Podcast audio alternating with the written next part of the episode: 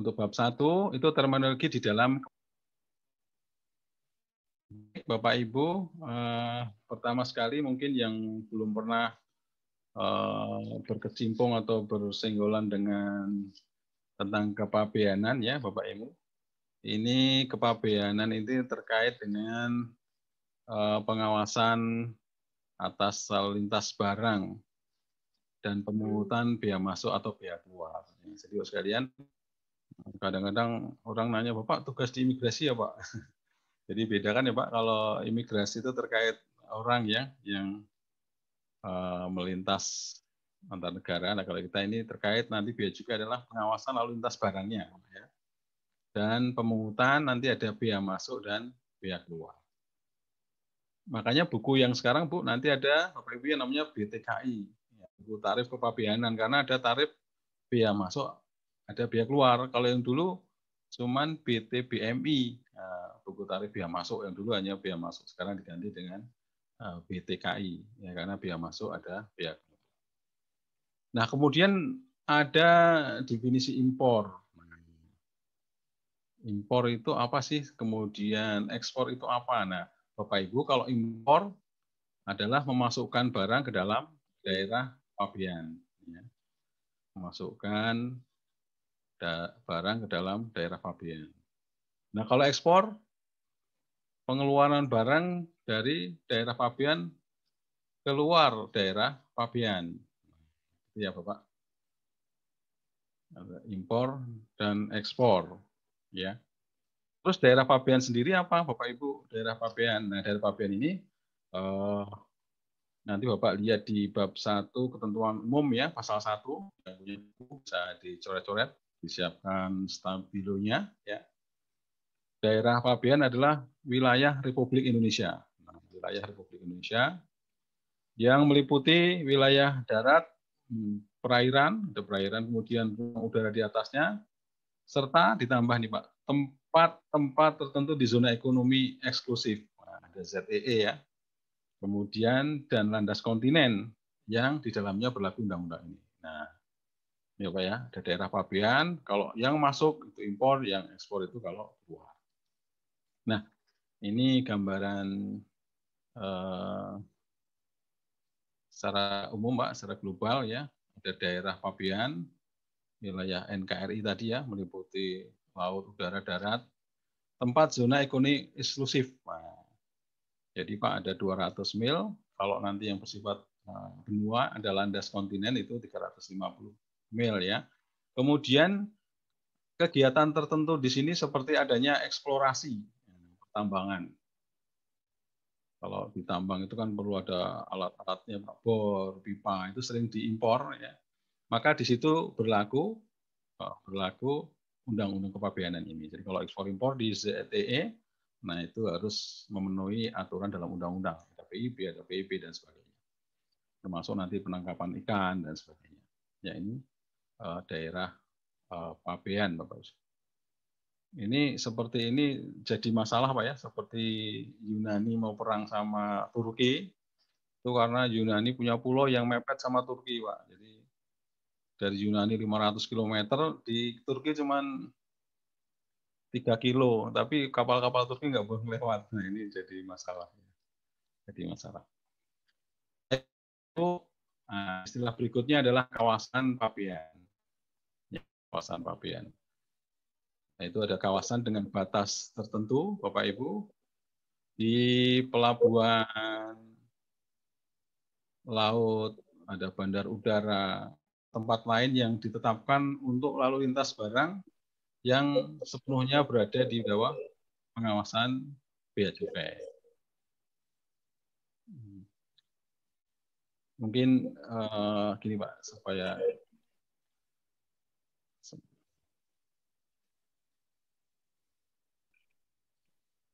Bentar ya Bapak untuk untuk untuk ilustrasi saja nih biar gampangin Bapak Ibu ya.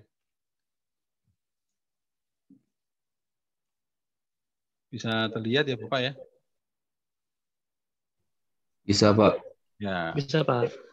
Baik. Ini kalau biar gampang nih Pak nanti gini. Nah, ini tadi kita ada namanya daerah Pabean Bapak ya.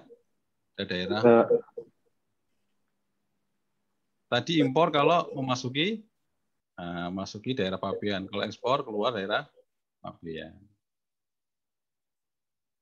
Untuk ngawasin ini Pak, biaya juga nggak sanggup Pak. Ya. Gawinya 15.000, belum dikurangi yang pensiun, yang sakit ya. Yang stroke. Pulaunya aja tuh 17.000. Nah, untuk mengatur ekspor impor Pak, maka ada istilah apa tadi? Kawasan Pabean di sini ya. Ada kawasan Pabean. Jadi semua sarana pengangkut ya, semua sarana pengangkut udara laut lewat kawasan Pabean ini Pak, ya, lewat kawasan Pabean. Ya, lewat kawasan Pabean.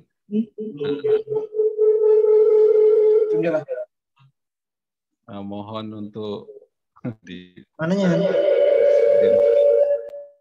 mohon bantuan host ya. Tapi kalau ditutup semua jadi sepi Pak, nggak. Nanti ada suara-suara dikit nggak apa. Ini kawasan Pabean. Ya, Bapak Ibu. Nah nanti eh, pertanyaannya begini Pak di soal kadang ya. Eh, kapan ini contoh-contoh soalnya. Kapan eh, barang itu diang apa secara formal sudah dianggap barang impor dan utang biaya masuk. Nah, kira-kira kapan, Pak? Nah, nanti gini Pak, nah, ketika sarana pengangkut itu memasuki wilayah daerah Fabian, nah, itu maka dia sudah dianggap impor dan terutang biaya masuk. Kalau ekspor, kapan Bapak Ibu?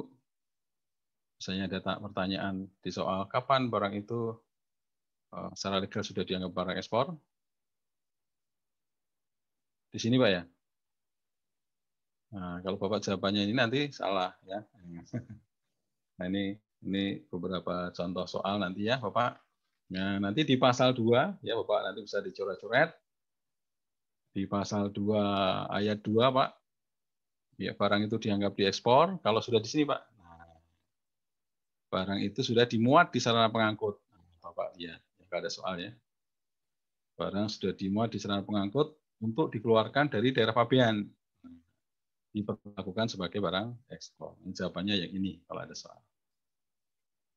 Jadi ya Pak, kita lanjutkan dulu ya. Tadi ini ada daerah Pabean, kemudian ini ada kawasan Pabean. Kita balik dulu ke slide-nya. Yes, sorry Pak. Kalau ada yang mau bertanya silakan ya. Current slide. Ini kawasan Pabean, Bapak itu biasanya di mana? Ada di pelabuhan laut ya. Bapak mungkin sudah hafal dari Pulau Jawa itu ada Tanjung Priuk, ada Tanjung Mas, ada Tanjung Perak di Surabaya. Ada yang baru Pak, kita mau ya, ada bandara atau pelabuhan itu hanya hub saja. Kita sudah niru, ada namanya Cikarang Drayport. Nah, nanti ada soalnya, soalnya sudah mengarah ke sana Pak. Ada Cikarang Drayport seperti ini Pak pelabuhannya. Nggak ada pelabuhan lautnya. Yuk langsung ke Cikarang. Nah, Cikarang Freeport. Dan dia mempunyai kode pelabuhan internasional, Pak. Jadi Cikarang Freeport itu sudah memiliki uh, sendiri di sana apa uh, kode pelabuhan. Nah, kemarin keluar ya di soal ya. Jadi uh, hitung-hitungannya itu di Cikarang Freeport. Ini di sana ada kawasan Pabian juga. Baik ya, kita lanjutkan Pak. Nah, kita juga mengenal ada namanya kawasan bebas, Pak, FTZ ya, Free Trade Zone. Ini kawasan khusus yang ditetapkan pemerintah untuk kegiatan memproduksi barang impor yang hasil terutama untuk diekspor dengan mendapatkan pembebasan biaya masuk. Ini ada tulisannya Pak, yang besar ya, Welcome to Batam. Ini ada kawasan bebas. Di ujung Sumatera juga ada Pak ya, di pulau mana Pak? Di daerah Sumatera ujung sana ada juga uh, kawasan bebas. Ya. Ini tentang kawasan bebas free trade zone. Berikutnya, Bapak Ibu, uh, kita ada namanya tempat penimbunan. Tempat penimbunan. Ini bangunan dan atau tempat lapangan atau tempat lain yang disamakan dengan itu di dalam kawasan Pabean untuk penimbunan sementara. Wow, ini tempat penimbunan sementara ya menunggu proses pengeluaran barang impor atau pemuatan barang ekspor. Ya, ini tempat penimbunan sementara TPS sampai ini. Jadi di kawasan Pabean itu ada namanya TPS, Pak. Jadi ekspor impor nanti ditimbun dulu di TPS. Berapa lama boleh di TPS, Bapak Ibu? Paling lama di TPS itu boleh berapa lama sih? Menunggu diekspor atau diimpor? Nanti kalau ada soal ya Bapak Ibu. Contohnya berapa lama sih boleh ditimbun di TPS? 30 hari ya Pak? Ya, 30 hari. Betul Pak ya. Nanti kalau ada soal, Bapak jawabannya 30 hari. Bapak bisa dicoret-coret nanti ya di pasal 43, Pak. Yang di pasal 43 ayat 2 ya. Dalam hal barang ditimbun di tempat penimbunan sementara, ya, di tempat TPS itu, jangka waktu penimbunan paling lama 30 hari. Jadi bolehnya hanya 30. Terus kalau lewat bagaimana Pak? Nah, nanti ada pelajaran berikutnya Pak ya. Nanti kalau lewat 30 hari, barang itu uh, dianggap barang tidak dikuasai, Pak. Jadi nanti jadi barang BTD, barang tidak dikuasai. Nanti oleh bea cukai ada tempat penjaranya, Pak. Tempat penjaranya barang nanti namanya TPP, tempat penimbunan pabean. Baik ya, ini TPS ya, Bapak Ibu. TPS itu untuk kata kuncinya ya Pak ya, untuk penimbunan sementara. Kata-kata sementaranya di situ berarti dan nanti TPS. Berikutnya Bapak, eh, itu ada namanya tempat kawasan untuk menimbun ya, tempat bangunan kawasan untuk menimbun barang impor guna diolah atau digabungkan yang hasilnya terutama untuk diekspor. Tempat penimbunan berikat adalah salah satu jenis tempat di mana barang yang ditimbun mendapatkan penangguhan biaya masuk. Nah, ini dapat penangguhan biaya masuk tempat penimbunan berikat ini. Kalau di TPS tadi boleh nggak Pak ada proses produksi? Pak di sini kan ada ada proses-proses nih di diolah. Boleh Pak. Oh di TPS boleh? Enggak. Enggak boleh. Ya nanti kalau ada soal Pak ya nanti ada pilihannya gitu Pak. Di TPS ah, ada pabriknya nggak boleh Pak ya. Penuh orang nggak ada pabriknya sekarang di Priok itu kantor-kantor digeser. Kantor-kantornya ditutup Bea Cukai itu dulu ada kantor gedung satu dirobohkan untuk TPS karena nggak muat. Gimana kalau ada pabrik atau proses produksi itu? Jadi nggak boleh. Nah, tempat penimbunan berikat ini eh, nanti ada banyak Pak ya, pelajaran berikutnya ada kita istilah kalau Bapak nanti yang belum pernah berkenalan dengan kepabianan Pak ya, ada jalan-jalan di satu kawasan industri di depannya ada tulisan Pak kawasan berikat. Nah, itu berarti Eh, dia dapat fasilitas KB, Pak. Ya. Mungkin saya saya coret-coret sedikit, Pak ya. Ini seperti biar ngantuk ya. Nah, jadi kita sudah mengenal ada tempat apa Pak? Ya. Tadi di sini ada TPS ya. Nah, ada TPP. Nah, di daerah Pabean nanti ada TPB tadi tempat penimbunan berikat. Nanti istilahnya ada satu Pak, ada KB, kawasan berikat. Nanti dua ada IB Pak, gudang berikat. Tiga ada TBB. Apa Pak TBB Pak? Toko bebas bebia. Ya, kalau Bapak jalan-jalan ada di bandara ada duty free shop. Nah ini Pak. Jadi, jadi kalau Bapak beli barang di situ bisa di tidak dipungut pajaknya Pak ya saya dulu paling seneng Pak kalau untuk hiburan waktu kuliah stres itu ke Akihabara. Bapak sekalian mungkin yang sering jalan-jalan ya ke Akihabara. Satu kota isinya orang jualan semua. Semua jualan ada di sana. Dan itu kebanyakan ditulis Pak duty free shop, duty free shop gitu ya. Mau jam model apa. Sampai ada mainan-mainan dewasa. Alhamdulillah saya nggak masuk. bisa bisa terhindar ya. Kemudian ada nanti Pak yang sekarang lagi ngetren apa Pak? Nanti Pak ada pelajaran namanya PLB. Apa PLB Pak? Pusat Logistik Berikat. Iya, berikat. ya. Ini lagi ngetren Bapak Ibu ya nanti yang sedang ini pusat logistik berikat. Kemudian ada lagi apa Pak? Hmm, nanti pameran ya, tempat pameran di Halim itu biasanya ada. Kemudian yang jarang-jarang ya tentang lelang, lelang dan yang ini adalah daur ulang. Kayaknya masih jarang yang pakai ini, atau belum ada mungkin. Kalau pameran banyak ya. Nah ini contoh dari uh, tempat penimbunan berikat nanti pak ya.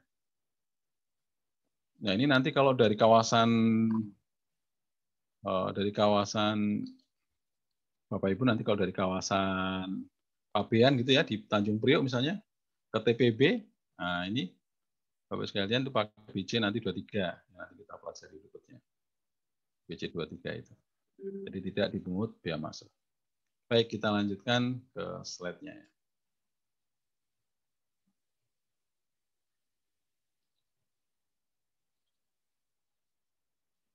Nah, ini tempat penimbunan berikat. Berikutnya ada pengawasan bea cukai Bapak sekalian. Dalam rangka pengawasan ini kita ada namanya kantor Pabian, ya, adalah kantor dalam lingkungan DJBC, Direktur Jenderal Bea tempat dipenuhinya kewajiban Pabian. Jadi kalau ada pertanyaan Pak, ke mana eh, submit dokumen ke Pabian, Pabianan, ya ke kantor Pabian. Ya. Nah, ada namanya pos pengawasan nanti Pak, ada pos pengawasan Pabian adalah uh, tempat, sorry ketutupan. Tempat uh, mengawasi lalu lintas barang impor dan ekspor. Kemudian, nah dinahnya seperti ini Bapak Ibu dari keseluruhan tadi yang kita sudah jelaskan ya. Ada yang besar itu namanya daerah Pabean, ya. Kemudian di dalam daerah Pabean seluruh Indonesia, Pak, itu ada kawasan Pabean, kawasan Pabean. Ini cukup banyak ya. Dari Sumatera, Jawa, Kalimantan, Sulawesi, kawasan Pabean banyak. Di dalam kawasan Pabean tadi, di pelabuhan, bandar udara, kemudian di perbatasan juga, Pak, di Antikong sana. Nanti ada kantor pelayanan dan pengawasan bea cukai, ada kantor bea cukai. Nah, ada juga TPS-nya, Kemudian ada TPP, ya tempat penimbunan pabean. Tadi TPP tadi untuk menimbun barang-barang yang bermasalah nanti di uh, pabeanan ini. Ini uh, tentang secara umum, Pak ya, seperti ini gambarannya.